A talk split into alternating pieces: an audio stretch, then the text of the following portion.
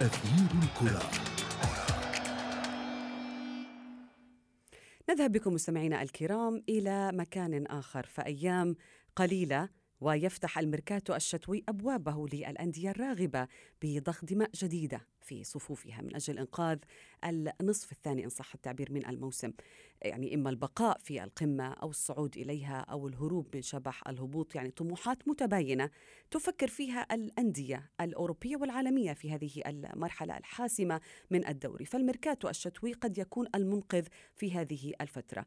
ماذا ننتظر في ميركاتو الشتاء؟ نتحدث عن ذلك مع المحلل الرياضي عمر ربيع ياسين من القاهرة. عمر مساء الخير. ماذا ننتظر؟ في ميركاتو الشتاء. من من الفرق أحوج لهذه لهذا الميركاتو؟ مساء الخير على حضرتك وعلى كل السادة المستمعين. طبعا ميركاتو الشتوي يعني بالنسبة لكل عشاق كرة القدم هو أكيد بعض الفرق الكبيرة اللي بتحاول إن هي تصلح بعض الأخطاء والعيوب اللي موجودة أو بعض السلبيات اللي بتكون موجودة سواء في خط الوسط أو خط الدفاع أو خط الهجوم. لكن هنتكلم على الفرق الكبيرة ونتكلم عن النجوم الكبيرة اللي منتظرين إن إحنا نشوفها خارج انديتها خلال الميركاتو الشتوي إحنا بنتكلم على أندية زي مانشستر وريال مدريد. وأيضا بنتكلم على أسامي كبيرة جدا ممكن تتعاقد مع أحد الفريقين والخيار الأول لريال مدريد هو التعاقد مع بول بوجبا. هل بول بوجبا ما زال تحت أنظار زين الدين زيدان في التعاقد معاه علشان يدعم خط الوسط؟ طيب ماذا عن بديل بول بوجبا؟ لو بول بوجبا إذا لم يتم التعاقد معاه هل فعلا كريستيان إريكسن اللي بدأت أندية زي مانشستر وريال مدريد يضعوه ضمن الاختيارات الأولية؟ زيدان قال بأنه ليس بحاجة لمهاجم. أعتقد لا كريستيان إريكسن كريستيان اريكسن واحد من اللعيبة اللي موجودة في نص الملعب اللي تقدر تعمل عملية الزيادة اللي بتيجي ك playmaker أو كصانع لعب مهم جدا جدا. ما ننساش ان إن كريستيان اريكسن ناقصه ست شهور في عقده وينتهي عقده ويخرج مجانا عن توتنهام. فمصلحة لتوتنهام أو مصلحة توتنهام في إن كريستيان اريكسن يا إما يجدد عقده مع فريق سبيرز أو إن توتنهام يتخلص منه عن طريق بيعه لأحد الأندية الكبيرة زي ريال مدريد أو زي مانشستر يونايتد. اللي مانشستر خسر كبير جدا إن خسر صفقة من الصفقات المهمة اللي كان محتاجها وبيدور عليها خلال الميركاتو الشتوي القادم وهو هالاند. مثل هالاند. هالاند كان مرتبط بالانتقال لمانشستر يونايتد ولكن خطفه دورتموند.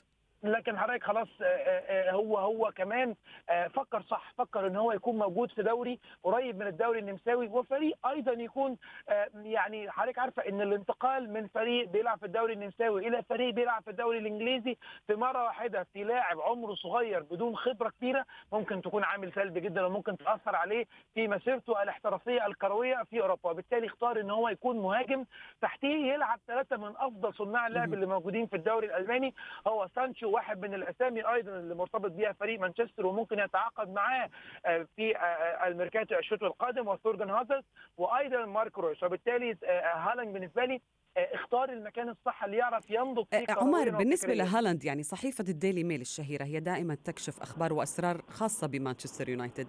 قالت هذه الصحيفة بأنه مان يونايتد رفض صفقة هالاند آه واللي إنه هو بيع ب 18 مليون يعني مبلغ قليل جدا لكن الصحيفة قالت بأنه وكيل أعمال هالاند اللي هو الشهير ريولا طالب النادي الإنجليزي بالحصول على حصة كبيرة من قيمة بيع اللاعب في المستقبل مما يعني إنه الوكيل الإيطالي الشهير بيتحكم في انتقال اللاعبين حتى ما بعد الخطوة أو الخطوات المقبلة. هل هذا يعني منطقي؟ يعني ما فيش شك طبعا هو عنده مشاكل كبيرة جدا في الكرة العالمية بشكل عام. حضرتك وواضح إن هو عنده أصلا سابقة مع بول بوجبا ومع مانشستر إن هو دايما بيغالي في طلباته سواء المادية الشخصية أو بيغالي في طلباته للاعيبته اللي بيكونوا موجودين. ودايما أي لعيب يكون موجود من ضمن لعيبة رايولا بيكون عليه لغط كبير جدا وبيكون عليه كلام كبير جدا جدا جدا. وبالتالي أنا أنا ممكن أتفق مع جزئية إن رايولا فضل انتقال لاعبه إلى نادي بروسيا دورتموند لضمان ممكن مزايا كثيره جدا موجودة من ضمنها إعادة نسبة إعادة البيع اللي ممكن بروسيا دورتموند بطبيعة حاله وبطبيعة أمره مش هيهتم بنسبة إعادة البيع على قد ما هو إن هو يهتم إن اللاعب يكون موجود وإن اللاعب يكون تأثيره إيجابي جدا مع فريق بروسيا دورتموند. علشان كده بقول عليك إن إن مانشستر ما يعني كان في حاجة إلى اللاعب. مانشستر لا يمتلك رأس الحربة الصريح اللي يقدر إن هو يحرز له الأهداف الغزيرة اللي, اللي كان مشهور بيها فريق مانشستر. بنتكلم في سولشاير بنتكلم عفوا في فان نيستلروي واحد من أبرز اللعيبة اللي كانت موجودة بيرباتوف روني. من بعد اللعيبة دي ما خلاص اعتزلت وانتقلت خارج صفوف الأولد اولد ترافورد ومانشستر لا يجد ضالته ابدا ولن يجدها منذ رحيل روني مش ما عندوش رأس الحربة الصريح. عنده المهاجمين اللي بيجوا من تحت أو shadow striker زي راشفورد وزي مارتيال الاثنين بيتمتعوا بمهارات كبيرة جدا لكن مش عندهم الصفات اللي سولشار بيبحث عنها والسير أليكس فيرغسون أيضا بيبحث عنها وهو المهاجم الصريح اللي كانت موجودة. هالاند أنا أعتقد هيكون إضافة كبيرة جدا جدا لصفوف بروسيا دورتموند. عمر الأندية الإنجليزية كانت نشطة جدا في ميركاتو الصيف. وأنا أتوقع بأن يكون النشاط سيستمر في الميركاتو الشتوي خصوصا بالنسبة لمانشستر سيتي. يعني هل ننتظر تحرك حاسم من بيب غوارديولا يعني الفريق يعاني في كل جزء من الملعب. من هم اللاعبين اللي ممكن أو تتوقع أن بيب غوارديولا يضع عينيه عليهم في هذه الفترة؟ طيب خلينا نتفق حضرتك إن الميركاتو الشتوي دايما بيكون يعني بيكون التحركات فيه قليلة نعم. آه طبعا دوري الأبطال أوروبا موجوده بالتالي بعض الفرق الكبيرة اللي بتصعد اللي بيكون عندها نجوم كبار جدا بترفض التخلي عنهم حتى إكمال المسيرة مسيرة دوري الأبطال والمنافسة على اللقب الكبير جدا والأقوى والأكبر في أوروبا. ده واحد. اثنين دايما آه الفرق الكبيرة أيضا ما بتحبش تفرط في نجومها في نص الموسم علشان خاطر استقرار الفريق. استقرار الفريق أحد أهم العوامل للفوز بالبطوله إحنا بنتكلم على النجوم اللي بتكون موجودة في الفرق. زي مبابي زي بوجبا زي جريزمان زي جاريث بيل واللي أنا مرشحه أيضا إن هو يخرج من فريق مانشستر من فريق ريال مدريد. دول دايما ما بيحبوش يتم التفريط فيهم في نص الموسم علشان خاطر إلا لو عامل فني لو مدرب عنده عامل فني ممكن يفرط في أحد النجوم اللي هو بتكون موجودة عنده. لكن بنتكلم على مانشستر سيتي وحضرتك قلتي كوارث موجودة وإصابات بالجملة في في كل الخطوط اللي موجودة. ده مأثر بشكل كبير في الدوري الإنجليزي. تخيل حضرتك إن موسم 2019 2020 يورجن كلوب قتل المنافسة في الدوري الإنجليزي وهيستطيع أن يحصل على لقب الدوري الإنجليزي قبل أسابيع علشان تكون أول مرة منذ فترة كبيرة جدا جدا ده يحصل لكن زي ما بقول لحضرتك إن إن إن التعديل اللي هيكون موجود في السيتي ممكن يكون تعديل بسيط مش تعديل جذري. علشان في الدفاع مثلا؟ متوقعين ما هو حضرتك إحنا الدفاع عندنا دلوقتي بيب جوارديولا بيفكر في إنه اللعيبة المصابة دي هترجع تاني من جديد علشان تكون موجودة. فهل بيب جوارديولا هيقدر إن هو يعني يعني ينفق من خزينة مانشستر سيتي لإبرام تعاقدات وصفقات ممكن خلال شهر أو شهرين لا يستعين بيها. أنا أعتقد إن السيتي مش هي مش هيتعاقد مع لعيبة خلال الفترة اللي جاية على قد ما إن هو هيكون بيجهز أو بيبدأ إن هو يجهز. يستعيد اللاعبين.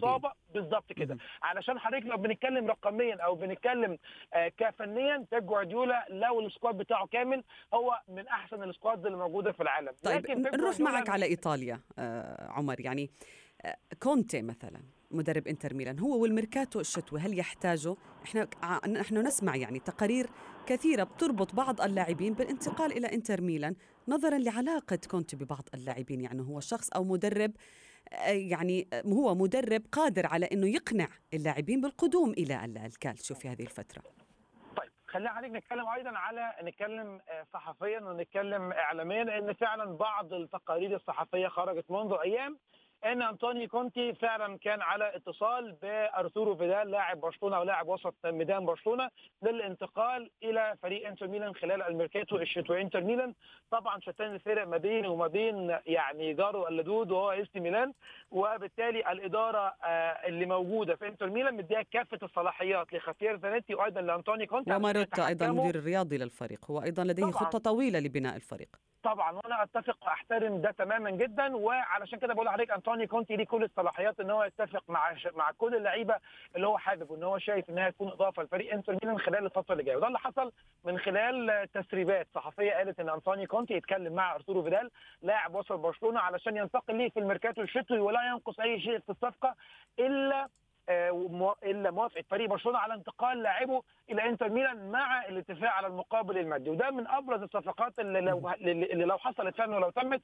هتكون من أقوى وأشهر الصفقات اللي هتكون موجودة في الميركاتو الشتوي نظرا إن فريق إنتر ميلان زي ما حضرتك عارفة يعني عانى مؤخرا في دوري الأبطال. طبعا بينافس يوفنتوس بشكل قوي جدا لكن بالتالي منافسة يوفنتوس والفوز بلقب الدوري الإيطالي مش معناه إن أنت تستعين فقط بال squad اللي موجود. إنتر ميلان محتاج يكون عنده squad 11 لاعب موجودين في الملعب وأيضا ولاعبين أيضا على الدكة. لننتظر ونرى عمر ربيع ياسين المحلل الرياضي من القاهرة لدينا شهر كامل لنراقب هذه الصفقات. شكرا جزيلا لك.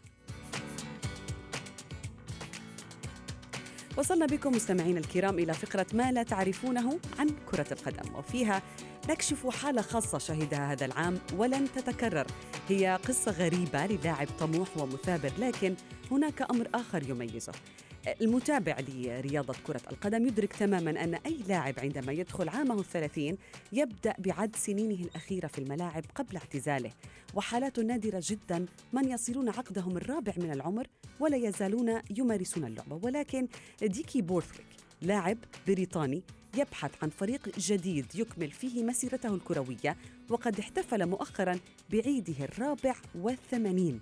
وقد التقت وسائل الإعلام البريطانية ببورثويك وكتبت عنه أنه ورغم كبر سنه إلا أنه ما زال قادرا على اللعب لمدة 90 دقيقة كاملة يعني كأي لاعب شاب يمارس أو يحترف كرة القدم.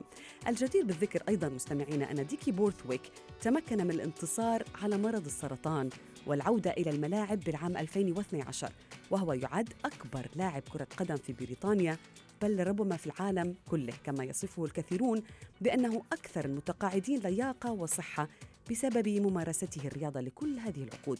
بورثويك المعروف عنه تشجيعه لفريق مانشستر يونايتد الإنجليزي كان قد شارك خلال مسيرته الاحترافية بأكثر من 1600 مباراة في 11 ناديا مختلفا لكن لا ينافس في الدوريات المحلية الرسمية.